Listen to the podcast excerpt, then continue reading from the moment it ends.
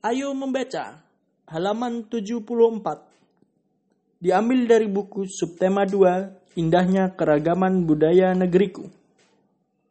Judul Keunikan Pakaian Adat Wanita Minangkabau. Setiap daerah mempunyai pakaian adat. Begitu pula dengan daerah Minang di Sumatera Barat.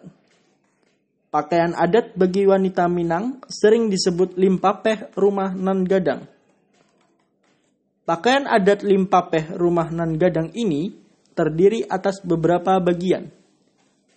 Setiap bagian memiliki keunikan masing-masing.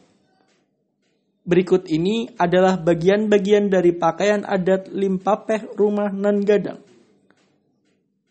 Bagian paling atas adalah penutup kepala berbentuk runcing atau gonjong menyerupai bentuk atap rumah Minangkabau.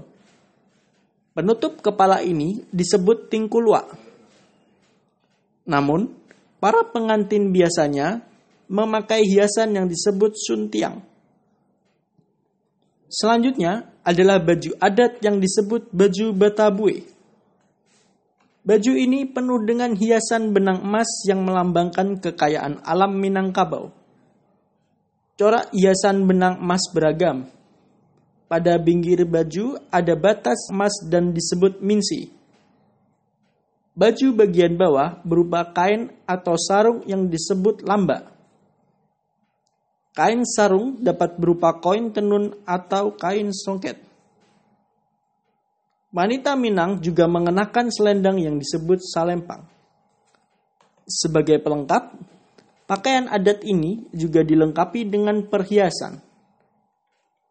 Perhiasan yang dikenakan berupa gelang dan kalung. Gelang biasa disebut galang.